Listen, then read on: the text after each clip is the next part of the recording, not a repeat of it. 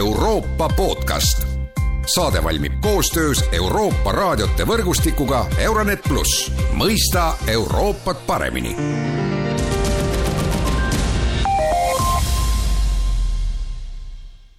tere taas kuulama Euroopa podcasti. hiljuti leppis Euroopa Liit kokku nafta hinnalaes Venemaale. selle otsuse tagamaid aitab Euroopa podcastis kommenteerida Eesti suursaadik Euroopa Liidu juures Aivo Orav, tere päevast!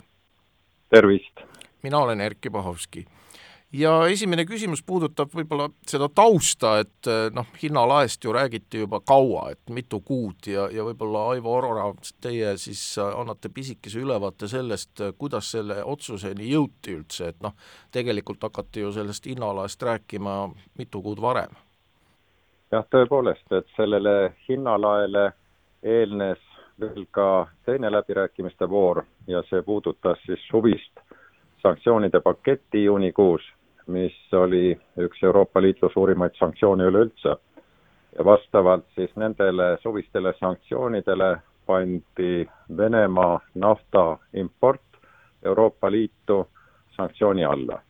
ja samuti siis sanktsioneeriti või lubati sanktsioneerida siis neid äh, kindlustusfirmasid, kes edaspidi äh, kindlustaksid neid Euroopa Liidu lipu all sõitvaid laevu mis Venemaalt veaksid naftat meritsi kolmandatesse riikidesse. nii et praktiliselt selle otsusega pandi kogu meritsi veetav Venemaa nafta sanktsioonide alla, äh, sanktsioonide alt jäid siis eranditena välja torujuhtme kaudu tulev nafta, mis siis tuleb Ungarisse, Tšehhi, Slovakkiasse ja osaliselt siis jäi välja ka, või ka Bulgaaria sai teatud erandi miks nad need erandid said, oli see, et vastasel juhul ei oleks nad üleüldse mitte kusagilt seda kütust enam saanud. ja nüüd, kui äh, muidugi see sanktsioon ei rakendunud kohe ja meile see mõistagi ei meeldinud, sest eks Eesti tahab ikkagi koos teiste Balti riikide, Poolaga kõiki neid sanktsioone suuremaid, kiiremini ja kohe, aga kõikide nende kaasuste puhul peab arvestama äh, siis poliitilise reaalsusega ja tollel hetkel see reaalsus oli, et tehti üleminekuperiood, mis siis tähendas, et need sanktsioonid rakenduvad viiendal detsembril toornafta kohta ja viiendal veebruaril siis äh, juba äh, rafineeritud naftatoodete kohta. mis edasi juhtus, oli see, et G7 riigid arutasid seda asja omavahel, analüüsiti ja neid analüüse äh, noh, kuidas see asi siis tööle pidanuks hakkama, oli kahju seinast seina hind läheb üles, hind läheb alla, mis juhtub Vene tuludega ja leiti siis suvel äh, G7 liidrite poolt ja hiljem siis rahandusministrid töötasid G7-s sellega edasi, et see sanktsioon võib-olla on natukene liiga järsk, äh, kuna nafta hind maailmaturul võib tohutult tõusta. ja tõusta siis sellepärast, et kui Euroopa Liit enam Venemaalt seda naftat ei osta, siis Euroopa Liidul, noh, Euroopa Liit äh, koosneb maailma rikkamate riikide hulka kuuluvat, äh, kuuluvatest riikidest, ehk siis neil oleks võimalik seda naftat kõrgema hinnaga osta, aga kannatajateks oleks siis ülejäänud maailm. ehk siis G7 ja Euroopa Liit saaksid hakkama, aga ülejäänud ei saaks. ja äh, ega see vastus, mis me Venemaa agressioonile anname, ei ole ainult Euroopa Liidu ja G7 mure, et me tahame ju ikkagi seda, et kogu maailm või enamik maailmast oleksid meiega kaasas ja eh, noh, nagu me näeme seda ka paljudes ÜRO hääletud, hääletustes, et ühel korral on rohkem neid, kes meiega kaasas, teisel korral on vähem ja praegu tuleb näiteks suhteliselt oluline otsus peatselt, mida hakatakse ÜRO-s läbi suruma, see eritribunal, kus me jällegi tahame, et suur osa maailmast oleks meiega. nii et kõiki neid asju kaalutleti, et ülejäänud maailm oleks meiega ja sellest tulenevalt siis üks argument selle hinnalae kehtestamiseks oligi see, et ülejäänud maailm oleks meiega. teine probleem, millest arvati, et sellest tekib suurem, suurem küsimus, on see, et Euroopa Liidul on tõepoolest laevad, millega seda naftat vedada, mis sõidavad Euroopa Liidu riikide lipu all ja kõige rohkem on need Kreekal, Maltal, Küprosel ja me saame neid sanktsioone teha sellepärast, et meil need laevad on. sest kui meil neid laevu ei oleks, siis me sellist sanktsiooni ka teha ei saaks. ja suur oht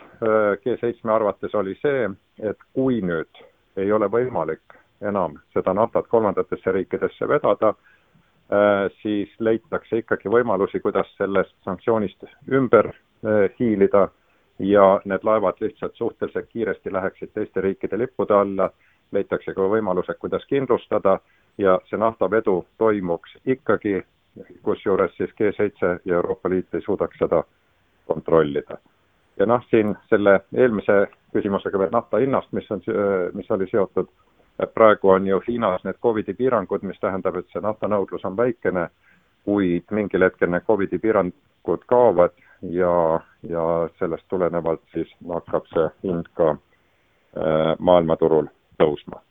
ehk siis need olid need kaalutlused, miks G7 seda soovis ja G7 rahandusministrid võtsid otsuse vastu, et seda tehakse juba septembris, misjärel Euroopa Liit siin pidas läbirääkimisi oktoobris, et kuidas see hinnalae rakendamine peaks toimuma, aga mis oli puudu, see oli hind. ehk siis kõik need mehhanismid olid paigas, aga nüüd kuni äh, novembri lõpuni keegi ei teadnud, mis see hind on. Ja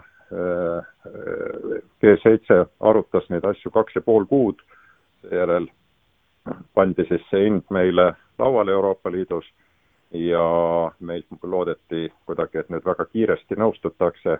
sellesamaga, mille G7 on lauale pannud. aga noh, seda nii käh- või nii libedalt see asi nagu ei läinud no praegu see hinnalagi on äh, kuuskümmend dollarit barreli kohta ja noh, me teame siin seda, et äh, Eesti ja teised Ida-Euroopa riigid samuti soovisid madalamat hinnalade, äh, umbes kolmkümmend dollarit, aga räägiti ka suurematest numbritest, et tegemist on siis ilmselt kompromissiga ja, ja olemasolevate andmete põhjal või, või olemasolevates tingimustes siis parima võimalusega. jah, ega nagu ma siin ennemgi mainisin, et kui suvel need naftasanktsioonid vastu võeti, ega seda suurt rõõmu äh, siit kuskilt ei paistnud, eriti meie pool Euroopas, sest me oleksime oodanud need, et need sanktsioonid koheselt rakenduvad. aga noh, arvestada tuleb sellega, et meil on kakskümmend seitse liikmesriiki ja kui üks ütleb ei, siis ei juhtu üleüldse mitte midagi. ja nüüd selle hinnalaega oli siis veelgi keerulisem see olukord, kuna, kuna läbi rääkisid nii G7, kakskümmend seitse Euroopa liikmesriiki ja Euroopa Komisjon oli seal siis nagu vahendaja rollis, kes siis G7 ja Euroopa Liidu liikmesriikide vahel seda vahendas. ja tõepoolest, G7 oma otsuses leidis, et see hinnavahemik võiks olla kuuekümne viie, seitsmekümne või siis kuuekümne ja seitsmekümne vahel ja need läbirääkimised, kui nad siia Brüsselisse siis jõudsid, ehk siis kui G7 oli oma otsuse teinud, siis tulid nad siia äh, saadikute lauale Brüsselis. Ja eks siis vaadati sellele hinnale otsa, vaadati parasjagu turuhinda, vaadati selle peale, kui palju on äh, Venemaal siis tootmiskulud, ehk siis kust maalt nad hakkavad kasu saama, aga vaadati ka laiemalt seda, et mis iganes poole seda hinda painutada, et see hakkab mõjutama ju ka kõiki teisi naftatootjaid maailmas. ehk siis see, missugune hind kokku lepitakse, see hakkab mõjutama praktiliselt meid kõiki. ja loomulikult olid siis need, kes soovisid kõrgemat hinda, ehk siis Kreeka, Malta ja äh, Küpros ja arusaadavalt, sest neil on see suur osa nende sisemajanduse kogutoodangust, see, mis tegeleb siis laevanduse, naftaveoga ja eks seda tuli kalibreerida siis niimoodi, et need laevad siis järgmine päev ehk siis kuuendal detsembril oma lippu ära ei vaheta ja ei hakkaks kellegi teise äh, all seda naftat ikkagi vedama. nii et see tasakaalu otsimine oli suhteliselt keeruline ja siin Poola ja Eesti panid seljad kokku ja tänu sellele me saime selle hinna ikkagi alla, ehk siis selles piiris ja Leedu toetust ma tahaksin ka siin mainida muidugi, ja saime siis nagu alla sellele piirile, mis alumine ots hetkel oli olemas, ehk siis kuuskümmend dollarit. nüüd eh, juurde neile otsustele, ehk siis otsus pidi olema ainult hinnas, aga juurde saime seda, et äh, regulaarselt hakatakse seda hinda üle vaatama. Järgmine kord peaks see toimuma siis jaanuari keskel ja seejärel iga kahe kuu tagant. ja kui siis esimesed ideed olid, et võtta arvesse siis maailmaturu hinda ja kõike muud, siis meie survel läks sinna ka sisse, et selle ülevaatamise eesmärk on ikkagi Venemaa naftatulude vähendamine. ehk siis, kui järgmine kord tuleb see kohtumine kokku, et hinda üle vaadata, siis üks kriteerium on, et see vähendaks Venemaa naftatulusid. Teine olu-, oluline element, mis me sisse saime, oli see, et see turuhind,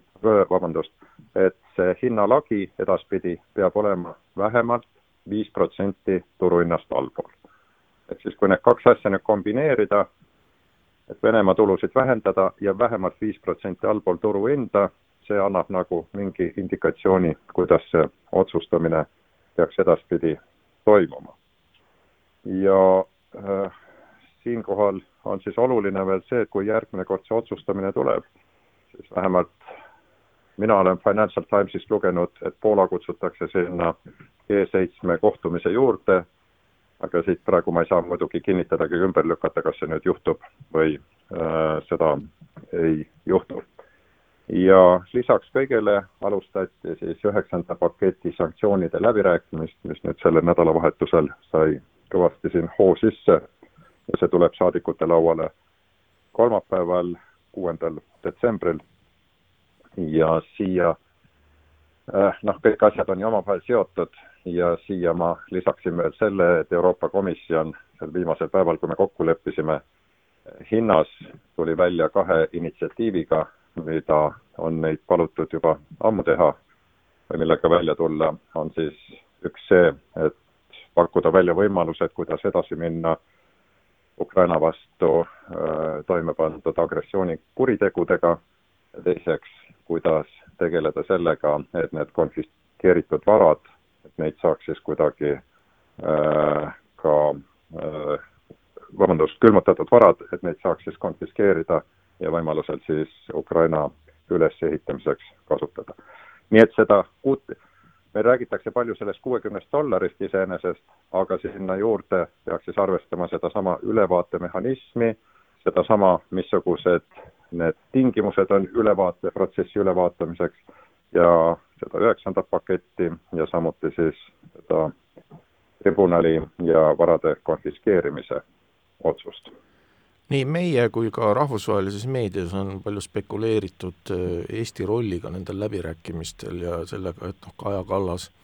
ikkagi on väga mõjukas isik, ka, ka ajakiri Politico ju tunnustas teda äsja äh, üheks mõjukamaks isikuks Euroopas. no teie kui kogenud diplomaat, kuidas teie hindate seda Eesti rolli nendel läbirääkimistel? no sellised läbirääkimised,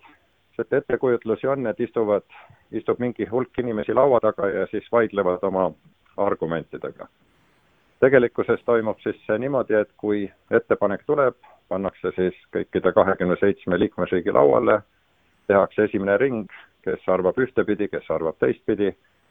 ja kui otsus kokku ei tule, minnakse laiali ja seejärel käivad need läbirääkimised siis edasi äh, kas siis telefonitsi või väikestes gruppides